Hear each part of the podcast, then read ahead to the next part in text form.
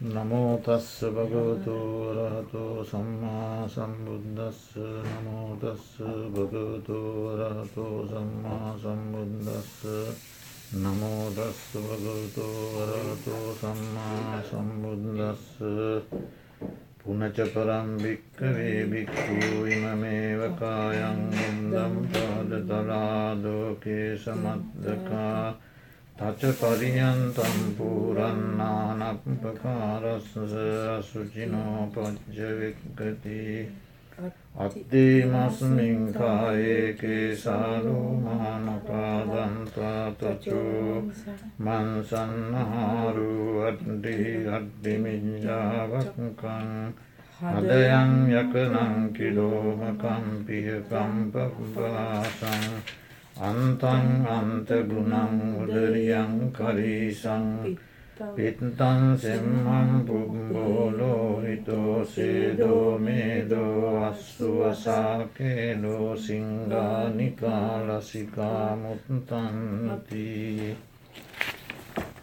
සීයතාපි භික්කවේ උබතු මොකාමුටෝලී පුරාණානාවිහිතස්ස දඥස්ස සේයතිීදං සාලීනංවී නම් මුග්ගානං ආසානන්තිලානන්තන්ඩුලානං තමේනං චක්කුමා පුරිසෝ මුංචිත්වා පංචවෙක්කේය ඉමේ සාලී ඉමේවීහි ඉමේ මුග්ගා ඉමේ මාසා ඉමේ තිලා ඉමේ තන්ඩුලාතිී ඒවමේවකෝ භික්කවේ භික්කු ඉමමේවකායන් උද්දම් පාදතලා අදෝකේ සමත්තකා කචපරියන්තම් පූරන්නානක්පකාරස්ස අසුචිනෝ පච්චවෙක්කති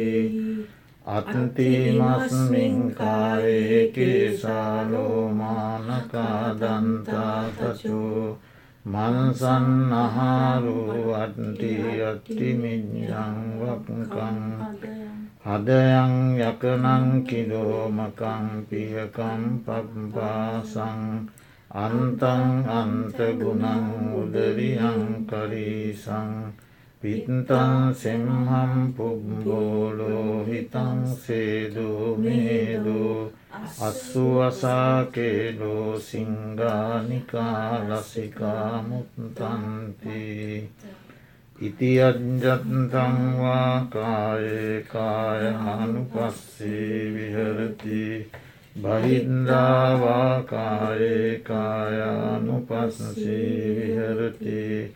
අජ්ජත්ත බහින්දාවා කායේ කායානු පස්සේ විහරති. සමුදය දම්මානු පස්සසේවා කායසුනින් විහරති. වයදම්මානු පසසේවා කායසුනින් විහරති. සමුදය වයදම්මානු පසසේවා කායසුනින් විහරති.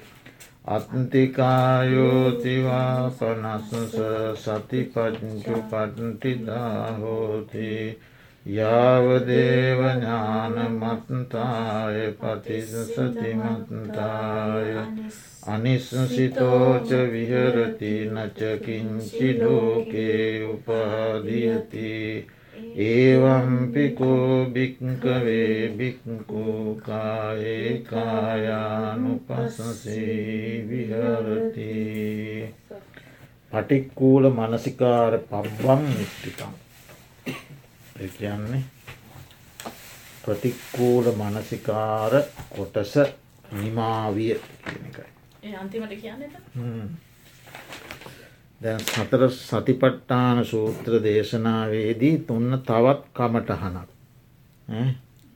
මහනෙන තවද වෙනත් කමටහනක් කියමි. කර්මස්ථානයක් භාවනා මනසිකාරය මහනිනි තවද අනු කමටහනක් කියමි මහනෙන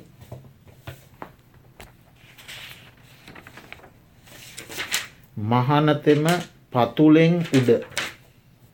කෙසගින් යට. සම කෙලවර කොට ඇති. නැහැන ඒ කියන්නේ උද්ධං පාදතලා අදෝකේසමත්තකා තච පරියන්තම් පූර පතුලෙන් උඩ කෙස්වලින් යට සම කෙලවර කොට ඇති නොයෙක් ආකාරයේ අසුචියෙන් පිරී සිටි. මේ කයම මතු දැක්වෙන පරිදි නුවනින් සලකා බලයි. එකන යටිපතුල්වලින් උඩ. කෙස්වලින් යට. හතර පැත්තෙන් මේ හම හම කෙලවරකොට කෙලවර තියෙන හම හම කෙලවර කොට ඇති යටිපතුල්වලින් උඩ කෙස්වලින් යට තියෙන නොයෙක් අසූචයෙන් පිළිකුල් දේවල්ලි. පිරිලා තියෙන මේ ශරීරය නුවනින් සලකා බලන. කොහොමද මේ ශරීරයෙහි කෙස් ඇත ලොම් ඇත නියපොතු ඇත දත් ඇත හම ඇත මස්පිඩු ඇත නහර ඇත ඇට ඇත ඇට මිදුළු ඇත වකුගඩු ඇත හරදමාන්සේ ඇත අක්මාව ඇත දලබුව ඇත බඩදිව ඇත පපු මස ඇත අතුණු වැටිය ඇත අතුණු බහන ඇත නොදිරූ ආහාර ඇත මල ඇත පිත ඇත සෙම ඇත සැරව ඇත ලෙහේ ඇත දහදිය ඇත මේද තෙල් ඇත කඳුළු ඇත උරුණු තෙල් ඇත කෙල ඇත සොටු ඇත සඳමිදුළු ඇත මුත්‍ර ඇත යන මේ දෙතිස් කුණපයෝ ඇත. යනුවෙන් සලකා බලන. දලබුව අග්න්‍යාසය වෙන්ඩ ඕන. එක බලන්න ඒ කොහොමද සලකා බලන්නේ? උදාහරණයක් කියනවා. මහනෙන දෙපසින් මුව දෙකක් ඇති මල්ලක් හැල්වී මාවී මුං මෑ තල සහල් යන නන් වැදෑරුම් ධාන්‍යයෙන් යම්සේ පිරුණේ වේද? ඔන්න දෙපස කට ඇති මල්ලත් තියෙනවා. ඒක පුරවලා තියෙනවා හැල්වී මාවී මුං මෑ තල සහල්. පුරෝලා තියෙනවා. ඇස් ඇති පුරුෂයෙක් ඒ මල්ල ලිහා. ඒ හැම ධාන්‍ය බලා බලනවා ලිහල. බලා මේ හැල්වීය මේ මාවීය මේ මුංය මේ මෑය මේ තලය මේ සහල්යයි ඒ ඒ ධාන්‍ය වර්ග වෙන්වෙන් කොට සලකා බලන්නේ. එපරිද්දෙම්ම මහනෙන මහනතෙම මේ කයෙහි පතුලෙන් උඩ කෙසඟින් යට සම කෙලවර කොට ඇති නන්න අයුරි අසූචයෙන් පිරී සිටි මේ සිරුරම නුවනින් සලකා බලයි. කෙසේද මේ කයෙහි කෙස්්‍ය ලොම්මේ නියපොතුය දත්්‍ය සමය මස්්‍ය නහරය ඇටය ඇටමිදුළුවේ වකුගඩුව හදමසය අක්මාවය දලබුවය බඩදිවය පපුමසය අතුනු වැටියේ අතුනු බහනය නොදිරුව හරය මලය පිතය සෙමය සැරවය ලේය දාඩියය මේදතෙලේ කඳුළුය උරුණු තෙලේ කෙලය සොටුය සඳමිදුලිය මුත්‍රයයි මේ දෙතිස් කුණප ඇත යයි. ඇතැයි යනු එහෙම සලකා බලන. මෙසේ තමාගේ කයෙහි හෝ කායානුපස්සනාව වඩමින් වාසය කරයි. අනිකාගේ කයෙහි හෝ කායානුපස්සනාව වඩමින් වාසය කරයි. වරක විටක තමාගේ කයෙහිද විටක අනිකාගේ කයෙහිද කායානුපස්සනාව වඩමින් වාසය කර. ඒ කේසාදීන්ගේ හට ගැනීම පුනපුනා නොෙක් අයුරින් බලන සුළුව වාසය කර. ඔවුන් නැසෙන හැටි සමුදයවයි මේ වගේ සමුදය දකිනවා වයද. හට ගැනීමයි විනාසය. ඔවුන් නැසෙන හැටි නොෙක් අයුරින් පුන පුනා බලමින් වාසය කළ.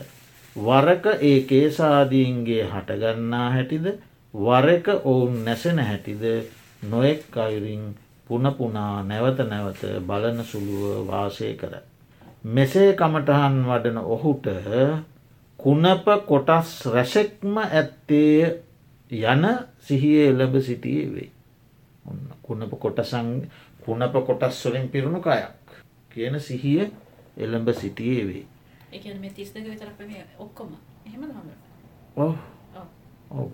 කුණප කොටස්වලින් පිරුණු කය. එය මතු මත්තෙහි නුවන වැඩෙනු පිණිසම. ඒ සිහිය මතු මත්තෙහි නුවන වැඩීම පිණිසත් සිහිය වැඩීම පිණිසත් පවති. දිගින් දිගට දිගින් දිගට නුවනත් සිහියත් වැඩීම පිණිස පවතිනවා. මෙසේ හෙතෙ මේ තෘෂ්නා දෘෂ්ටි වලට හසු නොවී වාසය කර. තෘෂ්නා දෘෂ්ටි ආශ්‍රය කරන්න ඇද දැම් මේ කුණපයන්ගෙන් පිරුණු ශරීරයන් මේක තන්නාවෙන් අල්ලා ගණ්ඩ දෙයක්වත් මම මගේ කියලා දෘෂ්ටිවලින් අල්ලා ගණ්ඩ දෙයක්වත් නෑ තන්නා දුට්ටිවලින් මිදෙනවා. හසු නොවී වාසය කරනවා. ලොව කිසි තෘෂ්නා දෘෂ්ටි විසින් නොගනි. ලෝකයේ කිසිම දෙයක් තෘෂ්නා වසයෙන් හෝ දෘෂ්ටි වසයෙන් ගන්නේ නෑ ඔවු නචකින්චි ලෝකයේ උපාදියද. මහණනි මෙසේත් මහනතෙමේ කයයි කයෙහි කායානු පස්සනා වඩමින් වාසය කර. ඔන්න තව මේ කායානු පස්සනාට අයිති කර්මස්ථාන දාහතරෙන් තවත් එකක්නේ. මේකට කියනවා පටික්කූල මනසිකාරය මේට තවනමක් තියෙනවා කාය ගතා සතිය කාය ගතා සති. දැන් මේ භාවනා කමටහන ඉගෙනගත යුතු ආකාරය වැඩිය යුතු ආකාරය ඉතාම පුළුල්. ඒ ඒ කරුණු කොහොමද මේක ඉගෙන ගන්නේ කොහොමද මේක වඩන්නේ කියන කාරණාවලට යන්න කලින් අපි අද දවසේ බලමු මේ භාවනා කමටහන්.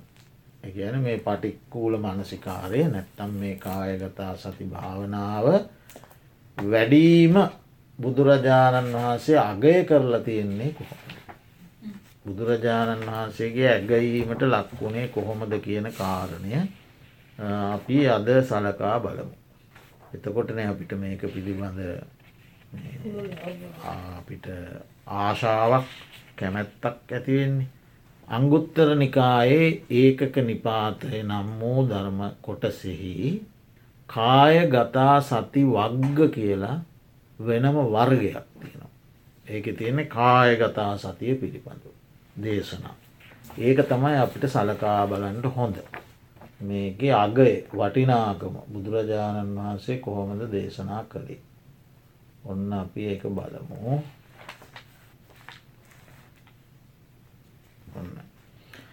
මහනෙන යම්කිසි කෙනෙක් විසින් මහා සමුද්‍රය තමන්ගේ හිතෙන් සලකා බලනවා මහා සමුද්‍රය ගැන හිතට හසු කරලා බලනවා.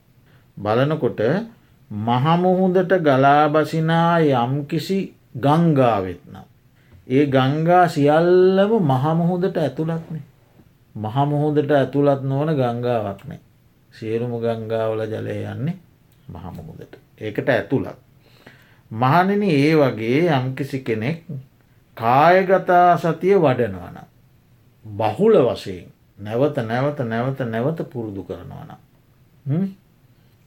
අෂ්ටවිද්‍යා භජනය කරන යම්කිසි කුසල ධර්මයෝ වෙත්නම් අෂ්ටවිද්‍යා අපි කලින් ඉගෙනගෙන තියෙනවා මොනවද විදර්ශනාඥාන මනෝමය ඉද්ධඥාන ඉද්ධි විදඥාන දිබ්බ සෝතඥාන දිබ්බ චක්කුඥාන පුබ්බේ නිවාසානුස්සති ඥාන චුතු උපපාතඥාන ආසවක්කය ඥාන ඒවට ගෙන අෂ්ටවිද්‍යා.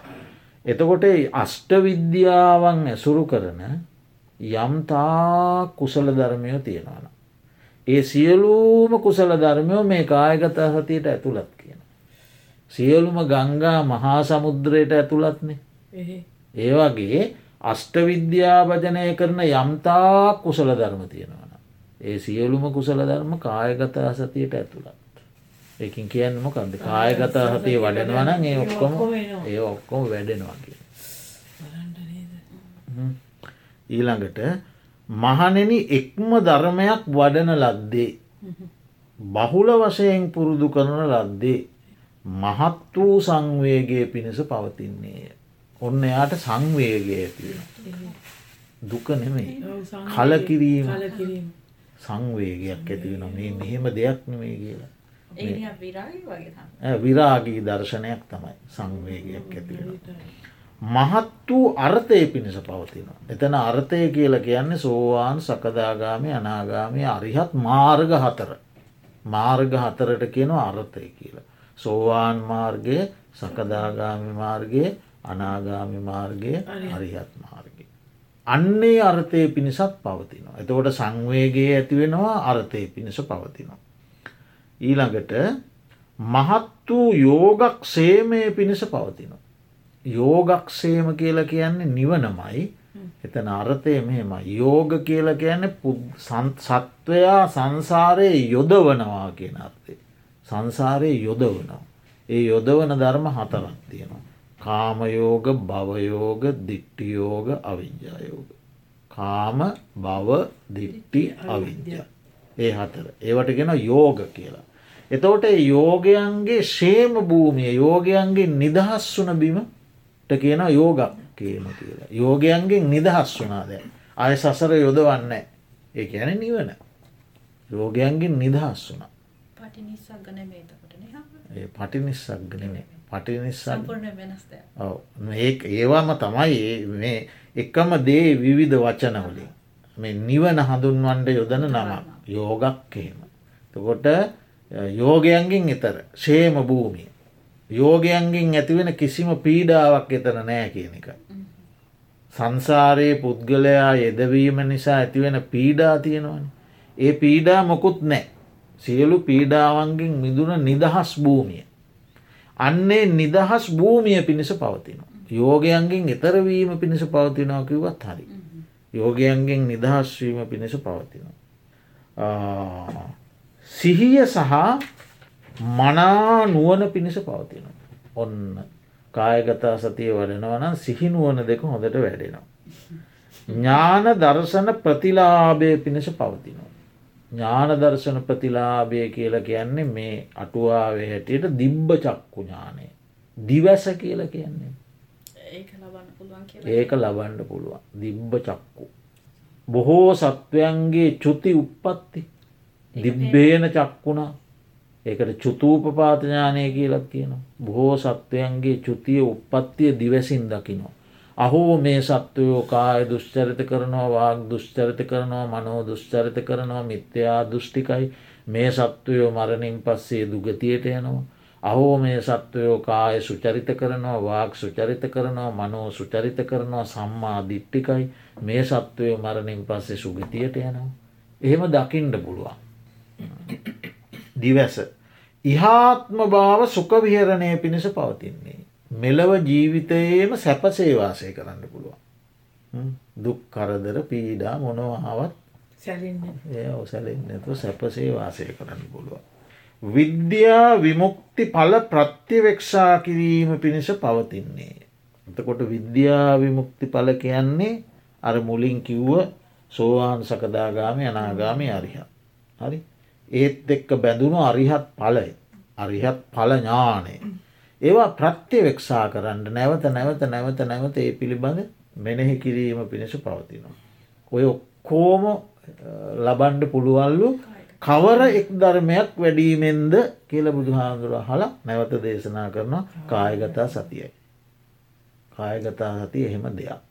ඊළඟට දේශනා කරනවා මහනෙන එක්ම ධර්මයක් වැඩූ කල්හි බහුල වශයෙන් පුරුදු පුහුණු කළ කල්හි කයද සංසිදේ.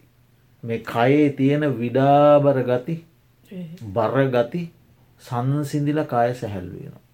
සිතද සංසිදී. සිතට නොයෙකුත් පීඩාගෙන දෙන ක්ලේෂයන් ඇවිල් එන්න ඇතිව ක්ලේෂයන් නිසාන සිත විඩාවට පත්වෙන් ඒ ක්ලේෂයන් එන්නඇතු සිත සැහැල් වෙලාන සිත සංසිදෙනවා. විතර්ක විචාරයෝද සංසිදේ. හිතට එන නොයෙකුත් විතර්ක විචාර ඒව සංසිදිලයන. සියලු විද්‍යා භාගීය ධර්මයෝද භාවනාවෙන් පරිපූර්ණ බවට පත්වේ. විද්‍යාභාගීය ධර්ම කියල කියන්නේ ඉස්සල්ල මංකිවේ අෂ්ට විද්‍යා කියල. ඒ අෂ්ට විද්‍යාවන් උපදීමට හේතුවන ධර්ම විද්‍යාභාගීය ධර්ම. අෂ්ට විද්‍යාවන් උපදින්ට උපකාරවන ධර්ම. ඒවා මේ අෂ්ටවිද්‍යා ලැබෙන්නේ මේවා නිසා. හරි මොනවද සීල සමාධි ප්‍රඥා ඒවනි විදර්ශනා ඥාන ඒ වගේ තම අෂ්ට විද්‍යාව ලැබෙන්නේ. එතෝට ඒ අෂ්ට විද්‍යාව ලැබෙන්ට අවශ්‍ය කරන උපකාරක ධර්ම. උදව්වෙන ධර්ම. ඒවා භාවනාවෙන් සම්පූර්ණයෙන්ම පරිපූර්ණ වෙලා වැඩිලා යනවා. ඒවා ඔක්කොම වැඩෙනවා. කවර එක ධර්මයක්ද. කායගතා සතියයි. ඊළඟට දේශනා කරනවා මහනෙන එක්ම ධර්මයක් වැඩූ කල්ලි බහුල වශයෙන් පුරුදු කළ කල්ලි නූපන් අකුසල ධර්මයෝ නූපදිත්. නූපන්න කුසල් තැන් ඉපදිලා නෑ ඒව උපදින්න. ඉපදිලා නැතිවට එන්ඩ විදිහක් නෑ මෙතන මේ කායගත සතිය වඩනවා. ඉපදිලා නෑ තව. ඉපදෙන්ට තියෙන අකුසල්. වලක් වන්න පුළුව ඒවා එන්න හරි නූපන් අකුසල් එන්ඩ ඉඩක් නෑ. එන්න කොහොමද? මෙතන මේ වැඩක යෙදෙනවන. හිත වැඩක යෙදීදී ඉන්න. එදේදී ඉන්න නිසා අරය මීට කලින් ඇවිල්ල නැති අකුසල් එන්නේ නෑ. නූපන්නේව වලකිනෝ උපන්න කුසල ධර්මය ප්‍රහාණය වෙත්. උපන් ඒව තියෙනවා නම් හිතේ අකුසල ඒවා දුරු වෙලා යනවා. හරි? දැන් ඔන්න එතකොට නූපන්න කුසල් උපදින්න උපන්න කුසල් ප්‍රහාණය වෙන ඒවගේම මානෙන නූපන් කුසල ධර්මය උපදිත්. ඉපදිලා නැති කුසල් උපදිනවා. හරි ඉපදිලා නැති කුසල් ඉපදින. ඉපදුන කුසල ධර්මයෝ වැඩි දියුණු වෙලා ඒ විපුල බවට පත්වෙන මහත් බවට පත්වෙන. ඒ හතරම වෙනවා ඇතකට. නූපන්න කුසල් උපදින්න උපන්න කුසල් ප්‍රහාණය වෙනවා නූපන් කුසල් උපදිනවා උපන් කුසල් වැඩි දියුණුවෙන්. කවර එක ධර්මයක් වැඩූ කරලිද කායගතා සති. මහනිනි එක්ම ධර්මය වැඩූ කල්හි බහුල වසයෙන් පුරුදු කර කල්හි අවිද්‍යාව ප්‍රහාණයවේ. ඔන්න අවිද්‍යාව දුරු වෙලා යනවා. අවිද්‍යාව දුරු වෙලා යනවා මෙතන කියනවා මේ ඔය අපි තුළ තියෙනවන අට තැනක් පිළිබඳ සැක සංකා බුදුරජාණන් වහන්සේ පිළිබඳ සැකය ධර්මය පිළිබඳ සැකය සංඝයා පිළිබඳ සැකේ විචිකිච්චා ඒ ඒ ඒ අටතැන්හි ඒ අටතැන්නේ යම් සැකයක් තියෙනවනම් ඒවත් දුරු වෙලාය තොට අවිද්‍යාව කියලා කියන්නේ මෝහයන. අවිද්‍යාව මෝහය චතුරාර්ය ශත්‍යය පිළිබඳ නොදැක්ම. රූපය දන්නේ රූපය හටගන්න හේතුව දන්නේ රූපය නිරෝධය දන්නේ රූප නිරෝධ කරන මාර්ගය දන්නේ වේදනාව දන්න දන්න ඇති නිසා වේදනාවේ ඇලෙනවා සැපවේදනාව ඇලෙනවා දුක්වේදනාවේ දොම්නස් වෙනවා ඒකන අපි කරන්නේ ලෝකයා කරන්න හෙම සැපවේදනාව ඇලෙනවා දුක්වේදනාවේදි කනගාට වෙනවා. වේදනාව දන්නේය. එතකොට ඒක අවිද්‍යාව. වේදනාව දන්නේ. වේදනාව ඇතිවෙන්න ස්පර්ශය නිසාන. ස්පර්ශයක් නැත්තම් වේදනාවක් නෑ. ස්පර්ශයෙන් තම වේදනාව හටගන්න. ස්පර්ශය කියන්නේ ඇහැයි රූපයයි චක්කු විඤ්ඥානය තුන එකතු. ඇහැයි රූපයයි චක්කු විඤ්ඥානය තුන එකතුවීමට කියෙන ස්පර්සය. ඒ ස්පර්සය නිසා තම වේදනායට ගන්න. කනයි සබ්දයයි සෝත විඤ්ඥානය එකතුවීම තම ස්පර්සය. ඒ නිසා තමයි වේදනාව ඇතිවෙන. නාසයයි ගන්ධයයි ගාන විඤ්ඥානය තුන එකතුවීම ස්පර්සය. ඒ ස්පර්සය නිසා වේදනාට ගන්න. දිවයි රසයයි දිවයි රසයයි ජිව්හා විඤ්ඥානය තුන එකතුනාව ස්පර්සය. ඒ නිසා වේදනාට ගන්න. කයයි පහසයි කාය විඤ්ඥානය තුන එකතුනාම ස්පර්සය. ඒ නිසා වේදනාට ගන්න. මනසයි සිතුවිලී මනෝවිඤ්ඥානය එකතුවීමට කියන ස්පර්සය. ඒ නිසා වේදනා හටගන්න. එතොට වේදනා හටගන්න ස්පර්සය. ස්පර්සය නිරුද්ධ වෙනකොට වේදනා නිරුද්ධ වෙන. ඒක දන්නෑ දන්නෑ කියන අවිද්‍යාව. තොට වේදනාව දන්නෙත් නෑ වේදනාව හටගන්න හේතුව දන්නෙත් වේදනාවේ නිරෝධය දන්නෙත් නෑ. වේදනාව නිරුද්ධ වන මාර්ගය දන්නේ. ඒ දන්නේ නෑ කියලා කියන අවිද්‍යාව. තොට සංඥාවත් එහෙමයි. සංඥාව හටගන්නෙත් ස්පර්ශය. ස්පර්ශය නිසා තමයි හඳුනන්නේ.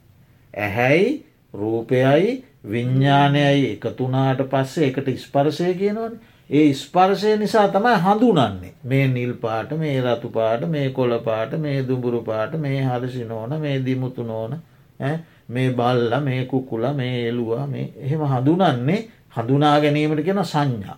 ඒ සංඥාව හටගන්න ස්පර්ශය නිසා. හරි එතෝට ඒක දන්නෙත් නෑ. අවිද්‍යාව කියලගෙන එම මොකක්වත් දන්න.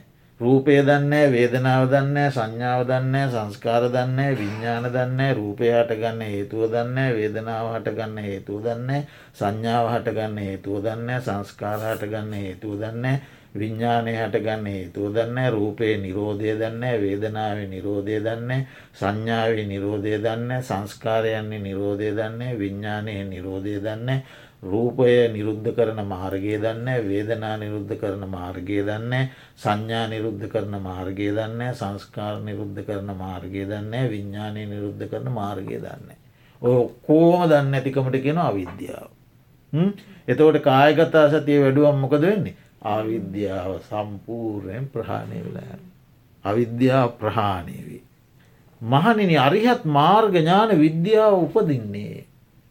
අරිහත් මාර්ග ඥානය නම් වූ විද්‍යාව උපදින ඔන්න එතොට විද්‍යාව කියන්න මෝකට අරිහත් මාර්ග ඥානය ඒකට තමයි විද්‍යාව කියන්න. අවිද්‍යාව කියන්න ඇර ඔක්කෝම නොදන්නාක. එතකොට නොදන්නාකම ප්‍රහාණය වෙලා ගිහිල්ලා අරිහත් මාර්ග ඥානය නම් වූ විද්‍යාව උපදිනවා. ඔවු. ඒකන කිව්ව මේ කවුද? කවුද කිව්ව මේ කෞද්ද ස්වාමින්න මහරහතන් වහන්සේ? ලකුන්ටක බද්ධිය මහරහතන් වහන්සේ දේශනා කළේ. බුදුරජාණන් වහන්සේගෙන් මං වරයක් ඉල්ලන්නේ නම්. බුදුරජාණන් වහන්සේ ඒ වරය මට දෙන්නේ නම්. මම වෙන මොකාක්කත් ඉල්ලන්නේ නෑ. මං ඉල්ලන්නේ නම් කායකතා සති. ඔහු දේශනා කළ. ලකුන්ට ලකුන්ටක බද්ධිය මහරහතන් වහන්සේ. බව වෙන කිසි දෙයක් ඉල්ලන්න මට වරයක් දෙනවනම් බුදුරජාණන් වහන්සේලා වර දෙන්නෑ එහෙම වරයක් දෙනවනම් මං ඉල්ලන්න කායගත එහෙම දේශනා කළ. ඊළඟට ඔන්න දැ විද්‍යාව උපදිනවා.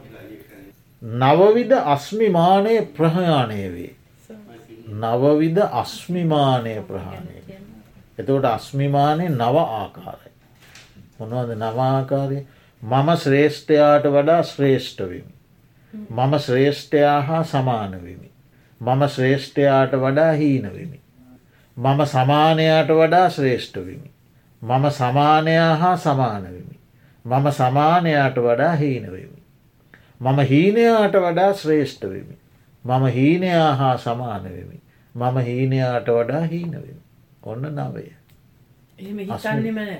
ඒ මොකුත් නෑ. මාන්‍ය ඔක්කොම් ප්‍රහණය වෙලා. මාන්‍යයේ ප්‍රහණය වුණැන් පද ආය මනුවද? මමක ඒස්ටත් නෑ හීනත් නෑ සමානත් නෑ. එහෙම එකක් නෑ. ආත්ම ආත්ම. අස්මිමානය. මම මම මම කියලා මනින ස්වභාවය. එක අස්මිමානය ප්‍රහණය වෙනවා. සප්ත අනුසය ධර්මයෝ නැසීමටයත් අනුසය ධර්ම කියල කියන්නේ මේ චිත්ත සන්තානයේ දීර්ඝ කාලයක් යටපත් වෙලා තියෙන දේව. අනුසේ ගැන නිදාගෙනන්න. අරමුණක්කාවම මතු වෙනවා. ඔළුව හංගගෙන ඉන්න සර්පයෙක්කොල් සර්පයට දණ්ඩකින් ගහපු ගවන් හොම හිස ඔසවන් පෙනේග කරන්න. ඒ වගේ නිදාගෙනින් ඒවා. ඒවා තියෙනවා හතක්. හතක් තියෙනවා. කාමරාග පටිග මාන හිරි. නෑ හිරි නෑ. සප්ත අනුෂය ධර්ම කාමරාගනුසය බවරාගනුසය කාමරාගනුසේ බවරාගනුසය මාන අනුසය දිට්ටි අනුසය එහෙම හතක් තියෙනවා. අභිධර්මය කෙලෙස් කෙලෙස් පිළිබඳ විග්‍රහයදී තියෙන්නේ. අනුශය ධර්ම හත උද්දච්චය ඇතිනේ දහම්පන උද්දච්චය.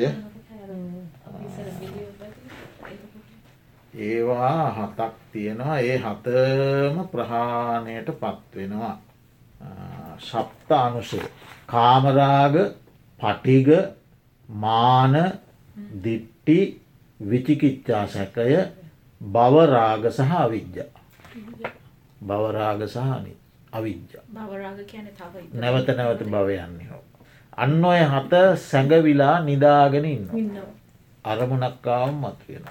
අන්නේ අනුසේ ධර්ම හත සම්පූර්ණයෙන් නැසිලා යන. ඊළඟට දස සංයෝජනයෝ ප්‍රහාණය වෙත්. සක්කාය දිට්ටි විචිකිච්චා සීලම්පත පරාමාස කාමරාග පටිග රූපරාග අරූපරාග මාන උද්දච්ච අවිද්‍ය. ඒ සංයෝජන දහය සසර බැඳ තබන දහම්. නැති. ඒ ඔක්කෝ නැති වෙලා. එතකොට හාමුදුරනේ ඒ නැතිවෙලා කියන්නේ මාර්ගඵල රහත් රහ අරිහත්ව. ඉති එතකොට මේ ඔක්කොගෙම කියන හාමුදුරනේ අපිට මේ හැමදේම අපි අල්ලගෙන ඉන්නේ මේ කයක් තියෙන හින්දාද? ඒක හින්දා කියලාද මේ කියන්නේ? ඔහු මේ කායට තියෙන බැඳීම හෝ ඒකට කියන උපාදාන කියල උපාදාන හතරත් තියෙනවනේ කාම උපාදාන දිට්ටි උපාදාන සීලබ්බත උපාදාන අත්තවාදූපදාන. කාම උපාදාන කියන පංචකාම සම්පත්. දිට්ටි උපාදාන කියන විවිධ දෘෂ්ටි මතවාද. සීලබ්බත උපාදාන කියන සීලාදී වෘත මේ මේ මේ මේ වෘතවලින් අපිට පුළුවන් මෝක්ෂය ලබන්න කියලා විවිධ වෘතවල බැඳිලා ඉන්න මිනිස්සු. ඒ වෘත. අත්තවාදූපදාන කියල කියන ආත්මය පිළිබඳ ඇති බැඳීම මම ඒ. එතවට ඒ දස සංයෝජන ප්‍රහාණය වෙලා යන දැන් කීයක් කිව්වද එතන විතරක් අවිද්‍යාව ප්‍රහාණය වෙනවා විද්‍යාව උපදිනවා අස්මිමානය නව ආකාර අස්මිමානය ප්‍රහාණය වෙනවා අනුසය හත නැසීමට යනවා සංයෝජන ප්‍රහාණය වෙනවා කවර එක ධර්මයක් වැඩියවෙන්න කායගතා සතිය. ඊළඟට. මහනිනි ඉක්ම ධර්මයක් වඩන ලද්දේ බහුල වසයෙන් කරන ලද්දේ ප්‍රඥා ප්‍රභයේදය පිණිස පවතින්නේ. එතවට ප්‍රඥාව කියල කිවම තනි වචනයක් ඒක නොයෙකුත් ප්‍රභේද තියෙනවා. තීරණ ඒකන් නොයෙකුත් තියෙනවා ප්‍රඥාවේ විදර්ශනා ප්‍රඥා මාර්ග ප්‍රඥා ලෞකික ප්‍රඥා ලෝකෝත්තර ප්‍රඥා අසාමන්ත ප්‍රඥා භූරි පඥ්ඥා තීරණ පඥ්ඥා ඔය විදියට මේ ප්‍රඥාවේ නොඒක් ආකාර තියෙනවා. ප්‍රබේද ගතයි. බෙදී තියෙනවා. ඒ බෙදුණු සියලූම ප්‍රඥාවන්. නොෙක් නොෙක් නොෙක් නොෙක් නොෙක් ආකාරයෙන් ප්‍රඥාව වැඩෙන්න්න පටන්න. ප්‍රබේදගත වූ ප්‍රඥාව දියුණු වෙන. අනුපාදා පරිනිර්වාණය පිණිස පවතින්නේ. අර අපි මුලින්කිවේ උපාදාන හතරක්. ඒ සියලූම උපාදානයන්ගෙන් මිදිලා නිවන් අවබෝධයට කියෙන අනුපාදා පරිනිර්වාණය. උපාදානයන්ගින් මිදී පිරිනවාපා. ආන්නේ පරිනිර්වාණය පිණිස පවතිනවා. කවර එක ධර්මයක්ද කායගතා සතිය. මහණනි ඉක්ම ධර්මයක් වැඩූ කල්හි බහුල වසයෙන් පුරුදු කළ කල්හි අටලොස් ධාතුන්ගේ ලක්ෂණ ප්‍රතිවේදේවේ. අටලොස් ධාතු අටලොස් ධාතු ගැන මේවා. චක්කු ධාතු. රූපධාතු චක්කු විඤ්ඥාන ධාතු. එතකොට එතන තුනයිනි ඇස රූප චක්කු විඤ්ඥානය තුනයි. කන සෝතධාතු. සද්ද ධාතු එතන තුනයි. සෝත විඤ්ඥාන ධාතු. ගානධාතු ගන්ධධාතු ගාන විඤ්ඥාන ධාතු. ජිව්හාධාතු රසධාතු ජිව්හා විඤ්ඥාන ධාතු. කායධාතු පොට්ටබ්බධාතු කාය විඤ්ඥාන ධාතු. මනෝධාතු ධම්මධාතු මනෝවිඤ්ඥාන ධාතු තුන්වරක් අය දහට. අන්න ඒවට කෙන අටලොස් ධාතු. අන්නේ අටලොස් ධාතුන්ගේ සියලු ලක්ෂණ අවබෝධයන මොනව දටලොස් ධාතුන්ගේ ලක්ෂණ? ඇසානිත්‍යයයි දුක්කයි අනාත්මයි අසාරයි ලෙඩවෙන සුළුයි අසුබයි.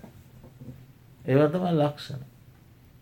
රූපත් එහෙමයි. ළඟ පිහිටි රූප දුර පිහිටි රූප ඊළඟට සිවුම් රූප ඕලාරික රූප ඊළඟට අතීත. රූප අනාගත රූප වර්තමාන රූප තමායයි තමාගේ යයි ගන්නා රූප තමාගේ වසයෙන් නොගන්නා රූප. ඔය යම්තාක් රූපවේද ඒ කෝගෙම ලක්ෂණ ප්‍රතිවේද වෙන මොනවදේ රූපෝල ලක්ෂණ? ඒ හැම රූපයක්ම අනිත්‍යයයි දුක්කයි අනාත්මයි අසාරයි අසුභයි ලෙඩවෙන සුළුයි මැරෙන සුළුයි වැෑවෙන සුළුයි නිරුද්ධ වන සුළුයි ඊළඟට කැඩෙන සුළුයි බිඳෙන සුළුයි පළුදුවන සුළුයි. ඒවතම ලක්ෂණ. ඒ ලක්ෂණ ප්‍රතිවේද වෙනවා.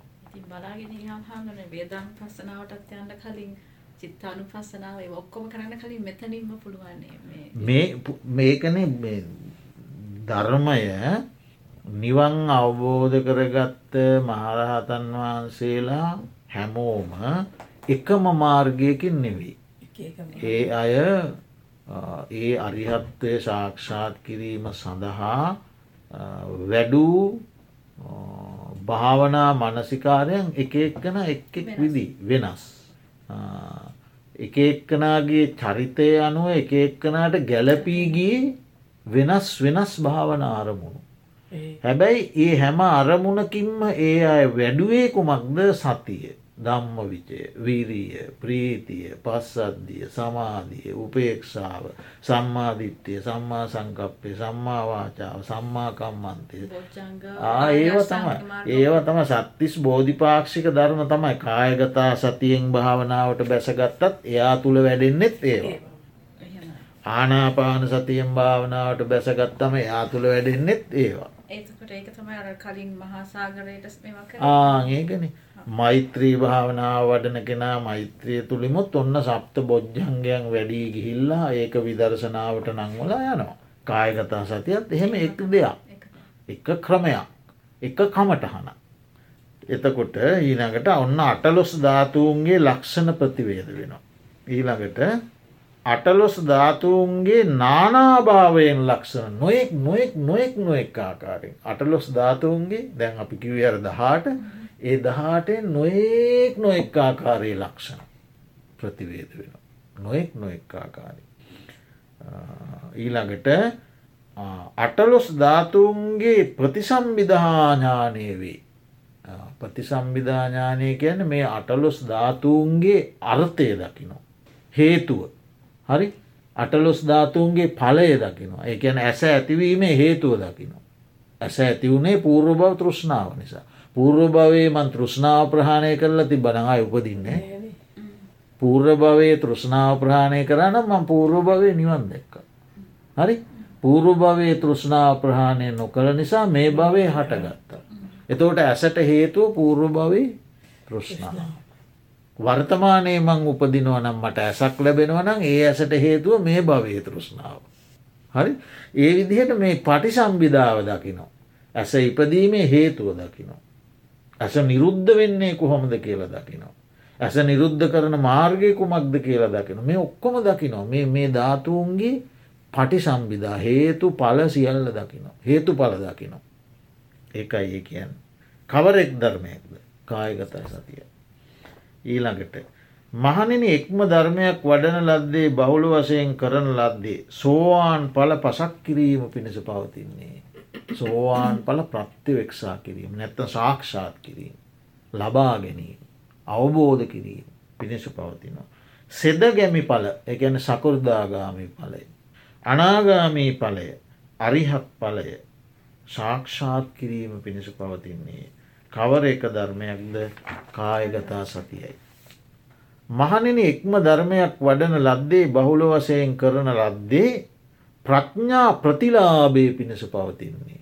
අන්න ප්‍රඥාව ලැබීම පිණිස ප්‍රතිලාබේ පිණිස පවතින ප්‍රඥාව ලැබෙනවා.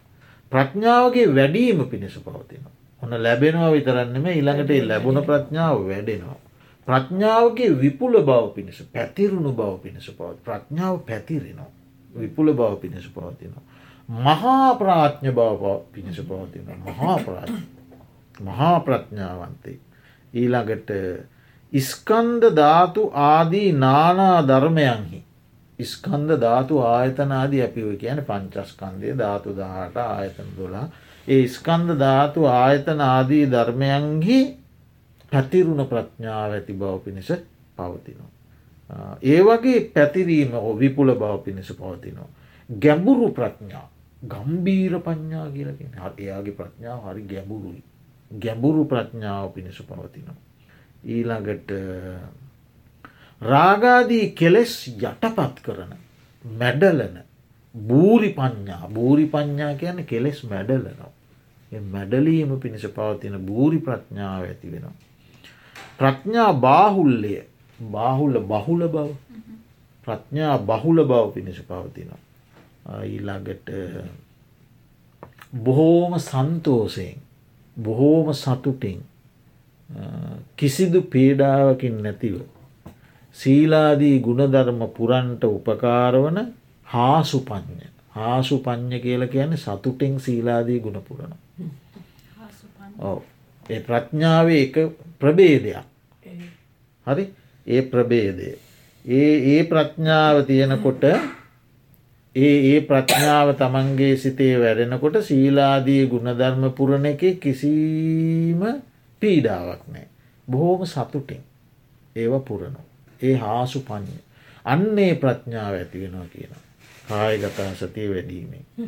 ඊළඟට ඉස්කන්ද ධාතු ආයතනාදියන්හි නුවන දුවනවා. නුවන පැතිරෙනවා. ඒක මොකක්ද කියන් මේ රූපස්කන්දේ මේ වේදනා ස්කන්දය මේ සංඥා ස්කන්දය මේ සංස්කාර ස්කන්දය මේ විඤ්ඥාන ස්කන්දය මේ රූපස්කන්දයේ යම් ස්වභාවයක් තියෙනවන. ඒ සියලූම ස්වභාවය රූපස්කන්දය කියන මේ මේකට. කැඩෙන බිඳෙන වෙනසෙන මව්පියන්ගේ ජානවලින් සකස් වුන එතකොට නෑවිය යුතු කැවිය යුතු පෙවිය යුතු තෙල් ගැල්විය යුතු. නමුත් ඒ මොනවා කරත් අනිත්‍ය වූ කැඩෙන බිඳෙන ඔය විදිහට. ඒ රූපයේ විවිධාකාර තත්ත්වාකාරයෙන් අවබෝධ වෙන එක ස්වභාවයන් අවබෝධ වෙනවා.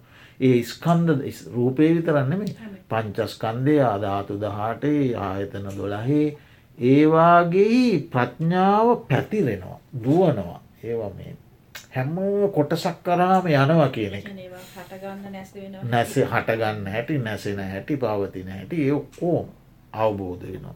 ඒකට ගෙන ජවන පඤ්ඥා කියලා. ප්‍රඥාව ඒ ඒ ඒ ඒ ඒ විශයහි දුවනවා. හරි මෙම මේ ගුලි වෙලා තියෙන එකක් නෙමේ මේ කියන්නේ. ඒ ප්‍රඥාව පැතිරිලා යනවා. හැම්ම දේකම විනිවිධ දකිනෝ. ජවන ප්‍රඥාව ඇතිවීමට හේතුවෙනවා. ඊළඟට තීක්ෂණ ප්‍රඥා. තීක්ෂණ ප්‍රඥාව ගැන කෙලෙස් සිදිනෝ. කෙලෙස් සිඳදා. ලෝබ දවේශ මෝහ මදමාන ආදී කෙලෙස් සිද ලදානවා තීක්ෂණයි. තිවුණු ලෙස ඒවට කැවිල ගිහිල්ල ඒව සිඳලදාන බූරි පඤ්ඥා කියන්නේ පැකෝ බූරි පඤ්ඥා බූරි පඤ්ඥාව කියලා කියන්නේ ගැඹුරු ප්‍රඥාවනි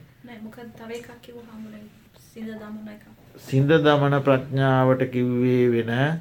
දැන් අපි කිව්වේ මෙහෙමයි.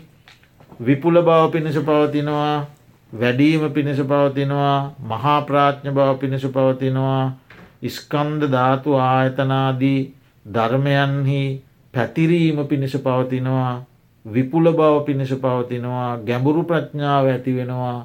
ඊළඟට රාගාදී කෙලෙස් මඩන ඒක බූරි රාගාදී කෙලෙස් මැඩලන. එතකොට දැම් මෙතන කිව්වේ තීක්ෂණ. තීක්ෂණ. කෙලෙස් සිඳිනවා. අරකෙන් මැඩලනවා. භූරි පඥ්ඥාවෙන් රාගාදී කෙලෙස් මැඩලනවා. යටපත් කරනවා. තීක්ෂණ ප්‍රඥාවෙන් කෙලෙස් සිඳලදාන. එන්න සම්පූර්ණ සිින්දිලදාන අපි කියමු අපි ගලන දියඇල්ලක් සම්පූර්ණ සිින්ද දැම්ම කිය අයි ගලන්න එතනින් අතර වුණ. ඒ උල්පත්වලින්ම උල්පත්වලින්ම ඒක සිින්දලම දැම්ම. ඊට පස්සේ අයි ගැලීමක් හට ගැනීමක් නෑ අය. ඉතිං ඔන්න ඔහොම තමයි බුදුරජාණන් වහන්සේ කායකතා හතිය වර්ණනා කළේ. තව තියෙනවා. සංසාර සංස්කාරයන්නේ සංස්කාරයන්හි කලකිරවන කලකිරීම ඇති කරවන්න. සංස්කාරයන්නේ ඒ කලකිරීම ඇති කරවන නිබ්බේදික පඤ්ඥා ඔන්න නිබ්බේ ප්‍රඥාව තව එක කොටසක්. නිබ්බේදික එයින් කරන කලකිරවනු අපි සාමාන්‍ය ලෝකය කියනනේ කලකිරෙන්ට හොඳ නෑ කියලා. ඒ වුණ කලකිරෙන් කලකිරෙන්ට හොඳ නෑකිවට හැම සූත්‍රයක්ම අවසං වෙන්න කොහොම ගන්න චක්කුස් මිම්පි නිම්බින්දති ඔන්න ඇස අනිත්‍යය වසයෙන් දකින කෙනා ඇස අනිත්‍යය වසයෙන් දකින කෙනා ඊට පස ඇසෙහි කලකිරෙනවා ඇත්ත දැක්කා. ඉලාසේ රූපය අනිත්‍යය වශයෙන් දකින කෙනා රූපස්මිම්පී නිබ්බින්දති. එයා නිබ්බින්දති. එයා රූපයෙහි කල කිරෙනවා ඊළඟට චක්කු විඤ්ඥානය අනිත්‍යය වශයෙන් දකින කෙනා චක්කු විඤ්ඥානස්මිම්පි නිබ්බින්දති. චක්කු විඤ්ඥානය කළ කිරෙනවා. හරි ඒ තුන එකට එකතුවීම ස්පර්ශයන ස්පර්ශය අනිත්‍යය දකින වසයෙන් දකින කෙනා චක්කු සම්පස්මිම්පි නිබ්බින්දති. ඇසෙහි ස්පර්ශය ගැන කල කිරෙනවා. ඉට පස වේදනාව අනිත්‍යය වසයෙන් දකින කෙනා සුකවේදනාවේ කල කිරෙනවා. දුක්වේදනාවත් කල කියෙන ඇයි කල කිරන්නේ මේ සුකවේදනාව හටගෙන නැසෙන දෙයක්. මේ දුක්වේ මේ දුක්වේදනාවත් හටගෙන නැසෙන දෙයක්. ඊළඟට මේ අදුක්කම සුක උපේක්ෂාවේදනාවත් හටගෙන නැසෙන දෙයක්. එතෝට එයා ඒ වේදනා තුනෙහිත් කලකිරෙන. ඒ විදියට තමයි කණ නාසේ දිවකාය මනස තුළින් ඇතිවෙන ස්වභාවයනු. ඒ ඔක්කොම ගැනයා කලකිරෙන. ඒක බුදුහාදුර හතලිස් දෙකට බෙදනවා. ජීවිතය හතලිස් දෙකට බෙදල දේශනා කරනවා. ඇස කණනාසේ දිවකාය මනස රූප සබ්ද ගන්දරස ස්පර්ශ සිතුවිලි ඉළඟට චක්කු විඤ්ඥාන සෝත විඤ්ඥාන ගාන විඤ්ඥාන ජිව්වා විඤ්ඥාන කාය විඤ්ඥාන මනව විඤ්ඥාන ඊළඟට චක්කු සම්පස්ස සෝත සම්පස්ස ගාන සම්පස්ස ජිව්වා සම්පස්ස කාය සම්පස්ස මනව සම්පස්ස ඊළඟට ඇසෙන් හටගන්නා වූ සැපවේදනා දුක්වේදනා මැදහත් වේදනා කන සැපවේදනා දුක්වේදනා මැදහත් වේදන එය වේදනා වේදනාටික. එතවට ඒවා කෝම ගෙන අනිත්‍ය වසයෙන් දගෙනට කලකිරනවා. නිබ්බින්දම් විරජ්ජති කලකිරුණම ඇලෙන්නේ නෑ ඇලෙන්ට දෙයන්න දැන් කලකිරලනිති විරජ්ජති. විරාගා විමුච්චති. නොඇලුනේ මිදිල යන විමුච්චති මිදෙනවා. විමුත්තස්මින් විමුත්තමිති ඥානං හෝති. මිදුනේ මිදුනේ ඇයි තමන්ම දැනගන්න. ඇතුළෙන් දැනගන්න මන්ද මිදුන කෙනෙක්. ඔන්න මම දැ මිදුනා කියලා දැනගන්න. මිදුනේ යැයි තමාම දැනගන්න. කතන් කරණීයක් කළ යුත්ත කරලා අවසන්. මොකක් වෙනුවෙන් අරිහත් වෙනුවෙන් කළ යුතු සියල්ල මම දැන් කලා. නාපරං ඉත්තත් ආය ඇති අයමට කරන්න දෙන්නේ. ඔවු අනිත්‍යය වසයෙන් බලබලා බලබල බලබල බලබල බලබලා ගියා කලකිරුණා නොඇලුනා නොඇලුන නිසා මිදුනා මිදුනම මිදුනාය කියල දැනගත්තා මිදුනාය කියල දැනගත්තා ඊට පස මට මම කළ යුත්ත සියල්ල කළා ආයමට කළ මේ කායකතා සතේ මේ මොහොතේ වඩන්න පුළුවන්. පිටමුණත් වඩලා වඩලා වඩලා වඩලා ඒ ගැන දැඩි ඔවු ඊට පස්ස ඉතින් ඒක වඩන විදී ගොඩාක් තියෙනවා. ඒක කෝමද ඉගෙන ගන්නේ? ගුරුවරයෙක් ළඟට යන්නේ ගිල්ල ඉගෙන ගන්නේ ඒක ප්‍රගුණ කරගන්න හැටි. ඒක තියෙනවා ක්‍රමවේද රාසියක් ඒවා අපි ඉදිරියේදී ඉගෙන ගනිමු. එතකොට අන්න ඔය විදිහට කලකිරීම පිණිස. කලකිරීමේ නුවන නිබ්බේදික පඤ්ඥා ඒක ඇති වෙන මහන්නි කවර එක ධර්මයක්ද? කායගතා සතිය. ඔන්න දැන් ප්‍රඥාවේ ප්‍රබේදෝය කිල්වි ප්‍රඥාවේ විවිධ බූරි පඤ්ඥා හාසු පඤ්ඥා නිබ්බේතික පඤ්ඥා ජවන පඤ්ඥා ඔය නම්මොලින් ඔය ඔය කියනලද සියලු ප්‍රඥාවන. එකම ප්‍රඥාව ඕක එක යෙදෙන හැටි. යෙදෙන ආකාරයන්ගේ වෙනස්කම්. අනුවත් බුදුරජාණන් වහන්සේ දේශනා කළා. ඊළඟට මහනෙන යම්කිසි කෙනෙක් කායගතා සති කොම කායගතා සතිවක්. මහනෙන යම්කිසි කෙනෙක් කායගතා සතිය පරිභෝග නොකරෙද්ද. පරිභෝග නොකරනවා කියන්නේ එක ප්‍රයෝජනයට ගන්න එක වඩන්න ඒක දියුණු කරන්නේ නැත්නම්. ඔහු නිර්වාණය වලදන කෙනෙක් නෙවේ. එය නිර්වාණය වලදන්න නැල්ලු. කායගතා සතිය වලදන්න නැත්තන් නිර්වාණය වලදන්නේ. හරි යම්කිසි කෙනෙක් කායගතා සතිය පරිභෝග කරද්ද ඔහු අමුෘතය වලදත්. එතන අමුෘතය කියන නිවන අමුෘතය වලදනවා. මාන්‍ය යම් කෙනෙකුන් විසින් කායගතා සතිය නොවලදන ලදුද වලදන්නේ නැද්ද ඔහු අමුෘතය නොවලදනා ලදී.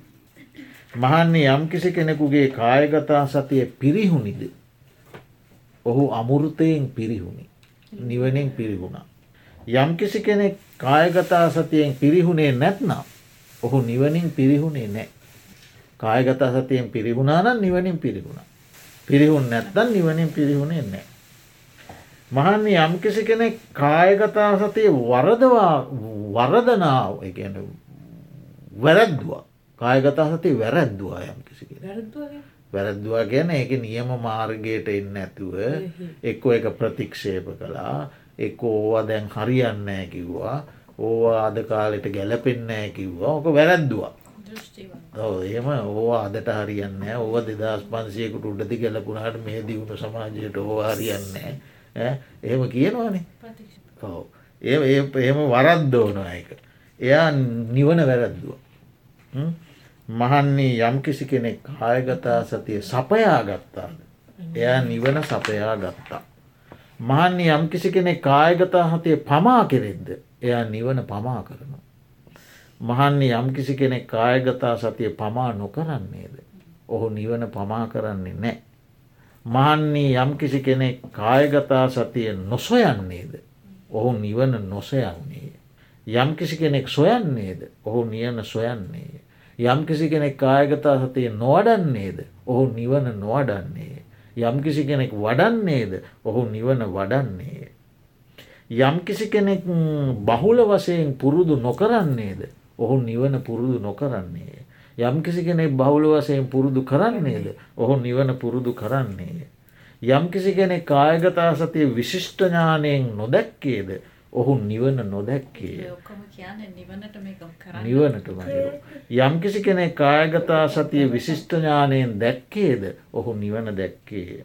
යම් කිසි කෙනෙක් කායගතා සතිය ඥාත පරිඥ්ඥා වසේ ඥාත පරිඥ්ඥා ඥාත පරිඥ්ඥා කියල කියන්නේ කායගතා සතිය කියන්නේ මෙන්න මේකයි. ඒකේ මේ මේ කොටස් තියෙනවා. ඒක වඩන්නේ මේ මේ විදිහට. කියලා යම් කිසි කෙනෙක් ඉගන ගන්නවා. ඉගෙන ගන්නවා ගැන එකට බැස ගන්න එක අවබෝධ කරගන්න. කායගත සතිය ගැන මෙන්න මෙහෙම දෙයක්. ඒක මේ මේ විදිහටයි වඩන්නේ කියලා යම් කිසි කෙනෙක් ඒක පිළිබඳ අවබෝධයකට එනවා. එහෙම අවබෝධයකට පැමිණීමට කියනවා ඥාත පරිඥ්ඥා කියලා. ඉට පස තීරණ පරිඥ්ඥා කියලා කියන්නේ ඒ අවබෝධයට ආපුදේ ඉගෙනගත්ත දේට අනුව තීරණය කරනවා. කොහොමද තීරණය කරන්නේ දැන් කායගතා සතයට මේවා අයිති. ඔන්න ඥාත පරිඥ්ඥා කියන්නේ කෙස් ලෝම් නියපොතු දත් හම මස් නහර. ඔය විදිහට ඒක වෙන්කර ගැනීම ඥාත පරිඥ්ඥා. ඊළඟට තීරණ පරිඥ්ඥාවේදී කරන්නේ මේ කෙස් වර්ණයෙන්ද පිළිකුල්. සටහනින්ද පිළිකුල්. ගන්ධයෙන්ද පිළිකුල්. පිහිටි තැනින්ද පිළිකුල්. ආශ්‍රය කුණපයන්ගෙන්ද පිළිකුල්. මේකෙස් අනිත්‍යයි.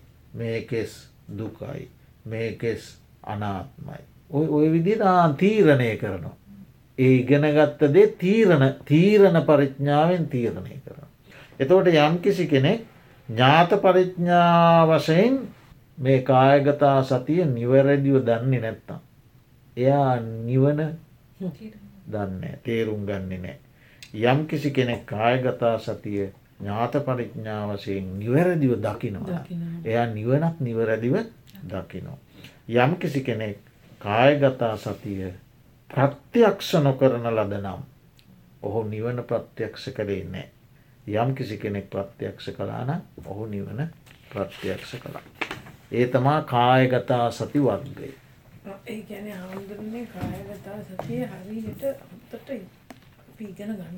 ඔව ඒක ඒක තියෙනවා ඉගෙන ගන්න. තියෙනවා සිතෙන් ප්‍රගුණ වචනයෙන් ප්‍රගුණ කරන හැටි. සිතින් කිය සජ්්‍යායනය ඒක මෙහෙමයි. ඕක තියෙනවන කොටස් තිස් දෙක ඒ කොටස් තිස් දෙක බෙදාගණ්ඩෝනෑ පහේ කොටස් හතරයි. හයේ කොටස් දෙකයි. පහේ කොටස් හතරයි හයේ කොටස් දෙකයි. පලවෙනි විස්ස පහ පහ බෙදාගන්න. පලවෙනි තිස් දෙකෙන් පලවෙනි විස්ස තියෙනවාන. ඒ පලවෙනි විස්ස පහ පහ බෙදාගන්න. කේසාලෝමානකාදන්තා තත්ව ඔන්න පහයි. ඊළඟට මන්සන්න හාරු අට්ටි ඇට්ට මිජ්ජාවක්කං ඔන්න පහයි. හදයන් යකනම් කිලෝමකම් පියකම් පපාසම් පහයි. අන්තන් අන්ත ගුණන් උදරියන් කරීසම් මත්තලුන්ගම් පහයි. පස්වරක් අතර විස්සයි. ඉලාට හයේ කොටස් දෙකක් පිත්තන්සේ ඔව පිත්තන්සෙන්මන් පුබ්බෝලෝ හිතන් සේදෝ මේදු ඔන්න හයයි. අස්වසාකේලෝ සිංගානිකා ලසිකා මුත්තා. එතෝට තිස් දෙක පහේ හතරයි හයේ දෙක. පළවෙනි එක. පලවෙනි පා හොඳට හොඳට කරලා කරලා කරලා ඕ පලවෙනි? බා හොඳට සිත් වචනයෙන් ප්‍රගුණ කරන්න ඕන. ඔබ වහන්සේ අපිට කියලා දුන්නේ? අපි පලවෙනි පහ කරා හාමුදුරනේ. ඒ කියන්නේ උඩටයි මුල සිට අගට. අග සිට අග සිට මුලට. ආයෙත් මුල නැවත මුල සිට අගටත් අග සිට මුලට එතකොට දැන් ඔය අටුවාවේ දක්වන්නේ ත්‍රිපිටකධාරී භික්ෂුවක් කියමකු. යම හාමුදුරනමක් ඉන්න ත්‍රිපිටකධාරී. හොදෝට ත්‍රිපිටකය ප්‍රගුණයි. ඒ ස්වාමීන් වහන්සේ කායගතා සතිය වඩන්ඩ කර්මස්ථානාචාර්යවරයෙක් ළඟට ගියා කියමුකු. භාවනා කමටහන් ඉගෙන ගණ්ඩ ඒ එයා ත්‍රිපිටකධාරී කියලා හරියන්නේ. ඒ ත්‍රිපිටකධාරී භික්‍ෂුවටත් කර්මස්ථානාචාර්යවරය කියන්නේ මෙන්න මේ දුවත්තින් සාකාරය. ඕකට කියන්නේ තව නමක්. දුවත්තින් සාකාරය. මේ දුවත්තින් සාකාරය වචනයෙන් ප්‍රගුණ කරව ඒක තමයි යායට මුලින්ම දෙන කමටන එතකොට වචනයෙන් ප්‍රගුණ කරනවා කියන්නේ හාමුදුරනේ දැන් හරියට මොකද්ද මොකද්ද මොකද්ද මොකද්ද කියලා දැනගන්න එක. ඔව්. ඒක නැත්නම් කටපාඩම් කරන එක. ඒ කටපාඩමක් තමයි අවබෝධ අවබෝධෙන්නේ? වචනයෙන් ප්‍රගුණ කිරීම සිතෙන් ප්‍රගුණ කිරීමට උපකාරයක්. අහා. වචනයෙන් ප්‍රගුණ කිරීම සිතින් ප්‍රගුණ කිරීමට උපකාරයක්. දැන් සමහර ස්වාමීන් වහන්සේලාට වචනයෙන් ප්‍රගුණ කරමින් ඉන්න අතරේම ඔව්. ඒ ප්‍රගුණ කරමින් ඉන්න අතරේම සසර භාවිත පුරුදු මතු වෙලා මේක හොඳට වැටහිලා ගිහිල්ලා ඒ වචනයෙන් ප්‍රගුණ කරද්දිම නිවන් අවබෝධ කරන. අයි සිතින් ප්‍රගුණ කරන තත්ත්වයට එන්න ඕන්නෑ. අපිට වගේ හාමුදුරේ හාමුදුර කියන්නේ පහ පහ පහ පහ කරලා ඒ කාටත් කියන්නේ එහෙම තම ත්‍රිපිටකධාරී කෙනෙකුට කියන්නෙත් එහෙමයි. කියලා අටුවාවේ අට්ට කතාවේ දක්වන්නේ. කර්මස්ථානාචාර්වරයෙක් ළඟට ඇවිල්ලා කායගතා සතිය ඉගෙන ගණ්ඩ ඕන කිව්වොත් දුවත්තින් සාකාරී ඉගෙන ගණ්ඩ ඕන කිව්වොත් පටික්ක උල මනසිකාරී ඉගෙන ගණ්ඩ ඕන කිව්වොත් එයාට කියන්නේ එහෙනම් මේක මේ විදියට කරන්න. වචනය ඊළඟට තමයි සිතින් ඉස්සල වචනයෙන් කිව්වා. ඉච්චල්ලා වචනය ඊළඟට සිතින්. එතකොට ඒ විදියට තියෙනවා සප්තවිධ මනසිකාර කවුසල්ලය කියලා ඉගෙන ගණ්ඩෝන හතක් හරි හත් ආකාරයක් තියෙනවා. ඊට පස්සෙ තියෙනවා තව ක්‍රම දහයක් ඒ දහය ඉගෙන ගන්න. ඒ කියන්නේ අනු පිළිවෙලින් මෙනෙහි කිරීම. හරි අනු පිළිවෙලින් ප්‍රමාණකූල මෙනෙහි කිරීම. ඊළඟට ඉතා සීග්‍රයෙන් මෙනෙහි කරන්න එපා. වේගෙන් මෙනෙහි කරන්න එපා. ඉතා සෙමින් මෙනෙහි කරන්නටත් එපා. හිමීට නිකන් කේසා කියලා ටිකා ඒම සෙමිනුත් එපා. සීග්‍රයනුත් එපා. සෙමිනුත් එපා. හරි. අනුපිළිවෙලින් මෙනෙහි කරන්න. ඒ විදිහට. ඊළඟට පිටතාරමුණු මෙනෙහි කරන්න යන්න එපා. වෙන වෙනම. වෙන වෙන මේකෙම හිත පිහිටවා ගන්න. පිටතාරමුණු මෙනෙහිකරොත් එහෙම අපි කියමුකෝ දැන් අපි කායගතා සතිය වඩන අතරතුරේ මේ මේ උග්‍ර ක්‍රමය උග්‍ර ක්‍රමය මේ. මේ මේක රිජුවම නිවන් ක්‍රමේ ඔව. දැන් ඔන්න කායගතා සතිය වඩන අතරතුරේ අ, හිරු පවෘති බලනවා. කියමුකු. කායගතා සිතත් වඩනවා හිරු පවෘතිත් බලනවා. දැන් මම මමත් මේ කරන මං කියන්නේ. හරි? හිරු පවෘතිත් බලනවා. කායගත සතියත් වඩනවා හිරු පවෘතිත් බලනවා. ඊට පස්සේ ඔලිම්පික් ක්‍රීඩාවකුත් බලනවා කියමු. සුසන්තිකාජාසිංහ දුවනවා එකත් බලනවා. ඉට පස ආය කායගත හතට ඉඳගත්තවාර හිරු පවෘති තමයි එන්නේ. හරි. එතකොට වැඩෙන් නෑනක. එහෙම. ඒක තමයි මේ කියන්නේ. පිටත අරමුණු. පිටත අරමුණුත් එක්ක සහ සම්බන්ධ වෙමින් මේ වැඩේ කරන්න බෑ එකන හරියට වඩන්න නම්. හරියට වඩන්න ඔව්. හාමුදුරනේ දැන් මේ කායගත සතිය වඩනකොට වඩනකොට අර හිරු පොවිති අරම බලන්න තියෙන ආසාවත් ටික ටික අතහැරෙනවද? ඔව් එහෙමත් වෙන්න පුළුවන්. ඊට පස්සේ හම් ඊට පසේ පිටත අරමුණුත් එක්ක සම්බන්ධවීම අඩු කරගන්න ඕන. ඔයි හරි ඔව්. පිටත අරමුණු. ඊළඟට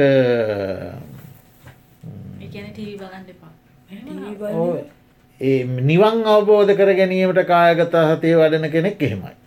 රිජ්ජුවම මම නිර්වාණගාමිනී ප්‍රතිපදාවේ නිවන් අවබෝධ කිරීම සඳහාම ප්‍රධන්වීරිය වඩනවා කියන අධිෂ්ඨානයෙන් යම් කිසි කෙනෙක් වැඩ කරනවා නම් එයා අනුපූර්ව වශයෙන් මෙනෙහි කරන්න ඕන අති සීග්‍රයෙන් මෙනෙහි කරන්න එපා ඉතා හෙමින් මෙනෙහි කරන්නත් එපා පිටත අරමුණු ගණ්ඩත් එපා ඊළඟට ප්‍රඥප්තිය දුරු කරලා පිළිකුලම බලන්න. ප්‍රඥප්තිය දුරු කරනවා කියලා කියන්නේ කරගෙන කරගෙන කරගෙන යනකොට මේ කේසාවල කෙස් කියන එක දුරු කරන්න ඕන. එක පිළිකුලම දකින්න. ලොම් කියන එක ලොම් කියන ප්‍රඥප්තිය දුරු කරලා මේක පිළිකුලම අසාර බවම දකින්නවා. නියපොතු මේ දත්න් මේක පිළිකුලම මේ විදුරු මස් එක්ක ගෑවිලා කෙල ගෑවිලා පිත ගෑවිලා සෙම ගෑවිලා මේ වගේ බත් ඇට හිරවෙලා මේ තියෙන්නේ. ඒ පිල්ලි නිවන් නිවන් මගේ හෙමයි එක පිළිකුල එහෙම සිත තබන්ඩුවන ප්‍රඥප්තිය බැහැර කරන්නුව ප්‍රඥප්තියත් එක්ක බෑ.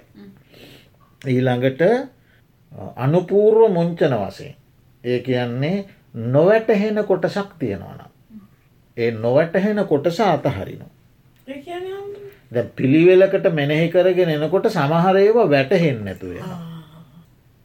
ඒ වැටහෙන් නැති එක අතහරින ඊට පස වැටහෙන ටික ගන්න වැටහෙන ටිකෙත් තමන්ට හොඳට වැටහෙන්නේ දෙකක් නම් ඒ දෙක ඒ දෙක ගන්න හරි. ඒ දෙකෙනුත් වඩා වැටහෙන්නේ එකක් නම් ඒ එක ගන්න අට්ටි අට්ටි කියලා ආන්න ඒකන. අට්ටික සංඥාවෙන්ම රහත් වනේ සමහර. එයාට වඩහා වැටහෙන්නේ ඇට්ටි අට්ටි. එයා මේ ක්‍රමය ආවා. මේ ක්‍රමය ඇවිල්ලා එකින් එක එහෙම අතහැරිය. අතහැර අතහැර අතහර අතහර වඩා වැටහෙන එකටාව වඩා වැටහුණේ යාට අට්ටි. සමහරු කෙනෙකුට කෙස්. දැන් සුමේදාත් සුමේදා මහරත් සුමේදා දුන්නේ. කොන්්ඩෙ කපල අතට අරගෙන කෙස්නේ. එයාට වැටහුණේ කෙස්. දම්මාසෝක රජතුමාගේ මල්ලි වීත සෝක එයාට වැටහුණේ කෙස්. කරණමැමිය ඇවිල්ල කෙස් කපනකොට එයා එයාගේ කෙස් දෙස බැලුවා. එයා ඒ ආසනයම රහත් වනා කියනවා. එතෝට ආං එහෙම ය, වඩා වැටහෙන එක ගන්න ඊළඟට මේ කොටස් තිස් දෙකට අර්පනා තිස් දෙක අධ්‍යාන තිස් දෙකක් උපදවන්න පුළුවන්. හරිද? මේ කොටස් තිස් දෙකක් තියෙනනේ එක එක කොටසට එක එක ධ්‍යානය උපදවන්න පුළුවන්. ධ්‍යාන තිස් දෙකක්. ඒකත් ඉගෙන ගන්න ඕන ඕන. ඔවු ගුරුවරු ඔක්කොම කායගතා සති භාවනා කර්මස්ථානය ඉගෙන ගණ්ඩෝන කියලා යම් දක්ෂ ගුරුවරෙක් ළඟට ගියොත් මම එහෙම ගුරුවරයෙක් හෙමනෙවෙයි එහෙම දක්ෂ ගුරුවරයෙක් ළඟට ගියොත් ඒ ගුරුවරයා ක්‍රමාණුකූලු ඒ සියල්ල එහෙම හික්මෝන ක්‍රමාණුකූලෝ පිළිවෙලෙන් පිළිවෙලට හික්මෝන ඊළඟට කලින් කල වරින් වර කළ යුතු වැඩ තියෙනවා. සිතට නිග්‍රහ කරන්න ඕන කාලේ නිග්‍රහ කරන්න ඕන. එකන්නේ සිත විසිරුණද නෑ නෑ සිත යම් කිසි අවස්ථාවක සිත වඩා සිත වඩා වේගවත් වෙනවා කියමුකෝ අපි සිත වඩා වේගවත් වෙනකොට ඒ සිත ඒ වේගේ අඩාල කරන්න ඕන. ඇය අඩාල කළ යුළු අවස්ථාවේ අඩාල කරන්න ඕන. සිත වේගවත් කළ යුතු අවස්ථාවල වේගවත් කරන්න ඕන. ඒක ඒව කියල දෙනවා. ඒ කර්මස්ථානාචාරයවරයට කිව්වම මගේ සිතේ තත්ත්වය දැම් මේකයි කියලා උන්වහන්සේ කියනවා. එහෙනම් මේ වෙලාවේ ඔබ සිත ඔබේ සිතේ වේගේ වැඩි. සංස්කාර ගැනද මේ භාවනා කමටහන වඩාගෙන යෑමේදී සිත වේගවත් වෙනවා. සිත වුවමනාවට වඩා අරමුණෙහි වේගයෙන් ගමන් කරන. භාවනා කමටහනේ වේගේ ගමන් කරන. එතෝට ඒ තැන්වලදී වේගේ අඩාල කරන්න. ඒක ගුරුවර ඇතීරණය කරන්න. එතෝට සමහර තැන්වලදී සිත මන්දව ගමන් කරනවා. මදව හෙමින් ගමන් කරනවා. අරමුණේ හෙමින් ගමන් කරන්නේ. හරි ඒ අරමුණේ හෙමින් ගමන් කරනකොට සිත ඔසවාත බණ්ඩුව. පක්ගහ කියලා ගැන සිත ඔසවන සිතට වීරිය දෙන්න ඕන එතෙදී. ඊළඟට සිත සතුටු කළ යුතු අවස්ථා තියෙනවා. ඒ සතුටු කළ යුතු අවස්ථාවේදී සිත සතුටු කරන්න ඕන. සිත මධ්‍යස්ත කළ යුතු අවස්ථාවේ මධ්‍යස්ත කරන්න ඕන. ඒ කියන්නේ ඔ කායගත සතිය වඩනවා කියනෙකො නිකාම එහෙම එකක් නෙවෙයි. ඒක බොහෝම ක්‍රමාණුකූලුව පිළිවෙල්ලකට බොහොම දක්ෂකුරුවරේ ආශ්‍රය කරම මංකයන්න මේ රිජුවම නිවන් අවබෝධ කරගන්න බලාපොරොත්තු වෙන. එහෙම නැති කෙනෙකුට සාමාන්‍ය ජීවිතයේ කායගතා සතිය භාවනාවක් වශයෙන් කරගෙන යන්න පුළුවන්. නිවන් අවබෝධ කිරීමට අදාදම අදාදම ප්‍රධන්වේරී වඩන කෙනෙක් ඉගෙන ගත යුතු බොහෝ දේවල් තියෙන. ඉතින් මං කියන්න ඉතින් ඔය කරගෙන යන භාවනාව කරන්න. දැනට කරන භාවනාවක් තියෙනවනේ. ඒ භාවනාව කරන්න. ඒක එතකොට හාමුදුරු කියන්නේ පහ පහ පහ පහ කරලා. හාමුදුරනේ ඇත්තටම ඔබහන්සේ කිව්වා වගේ දැන් කායගත සතිය වඩනකොට ජීවිතය ගැන පුදුම විදිහට අමුතු වෙනවා කලකිරීම මේ අන්න දෙයක් යම් යම් අවස්ථාවලදී යම් යම් අවස්ථාවලදී හිතේ ඇතිවෙන ස්වභාවයන් එක්ක ස්වභාවයන් එක්ක සුළු වේලාවක් අපි කියමු සද්ධාව මධික්කම එනවා. සද්ධාව මධිකම එනවා. දැ කායගත අසතිය තමයි වඩන්නේ. සද්ධාව මධිකම එනවා. එතකොට සද්ධාව වැඩෙන මාර්ගයක ටිකක් යන්ඩ ඕනේ. බුදුගුණ ටිකක් මෙනෙහි කිරීම ගැඹුරු බුදුගුණයක සිත පිහිටවීම තුළින් අර සද්ධාව කියන එක ආපහු මතු කරගෙන සිත සතුටු කරන්න ඕන. හරි ඊළඟට සමහර අවස්ථාවල හිතේ එනවා කලකිරුණ එකන්නේ කඩා වැටුන දුම්නස් සහගත ස්වභාවේ.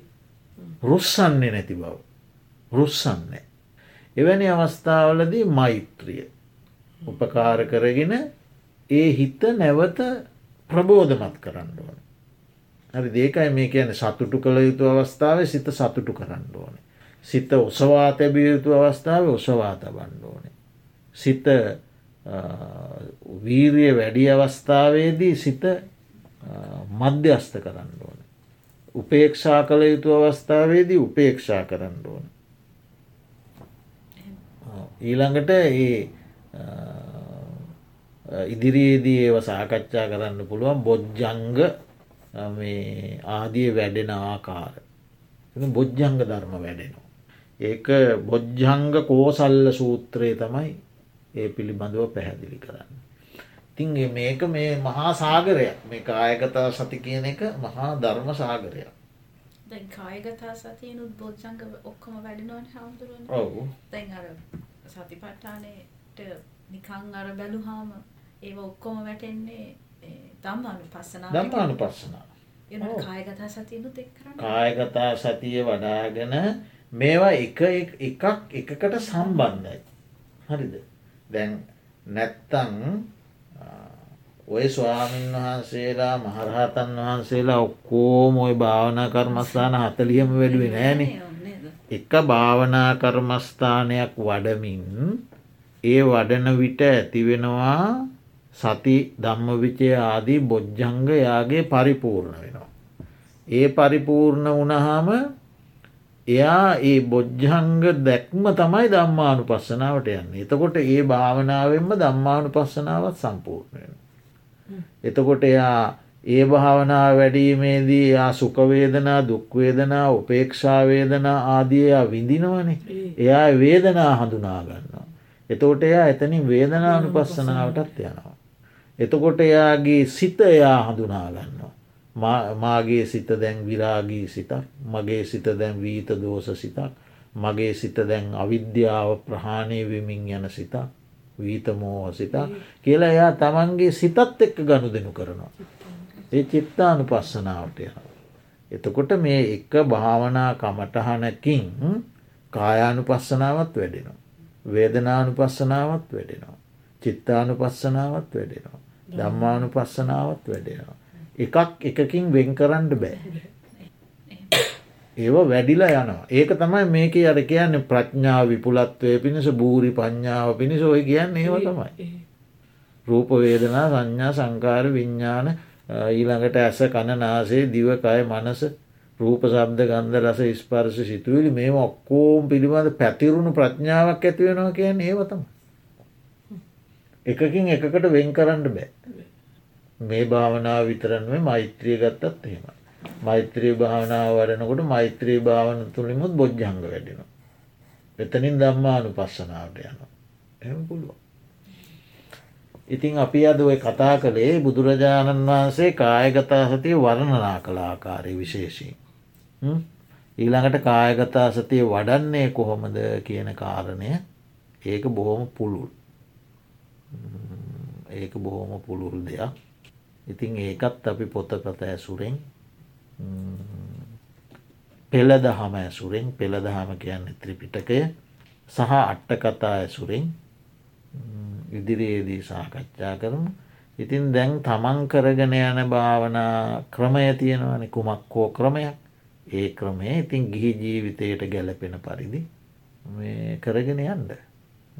වහ වහා නිවන් අවබෝධ කරගන්න සියල්ල අතහැරදාල ඔය දෙන්නට මෙහෙම කරන්න බෑනි ඔය විදියට කරගෙන යන්න ඉතින්.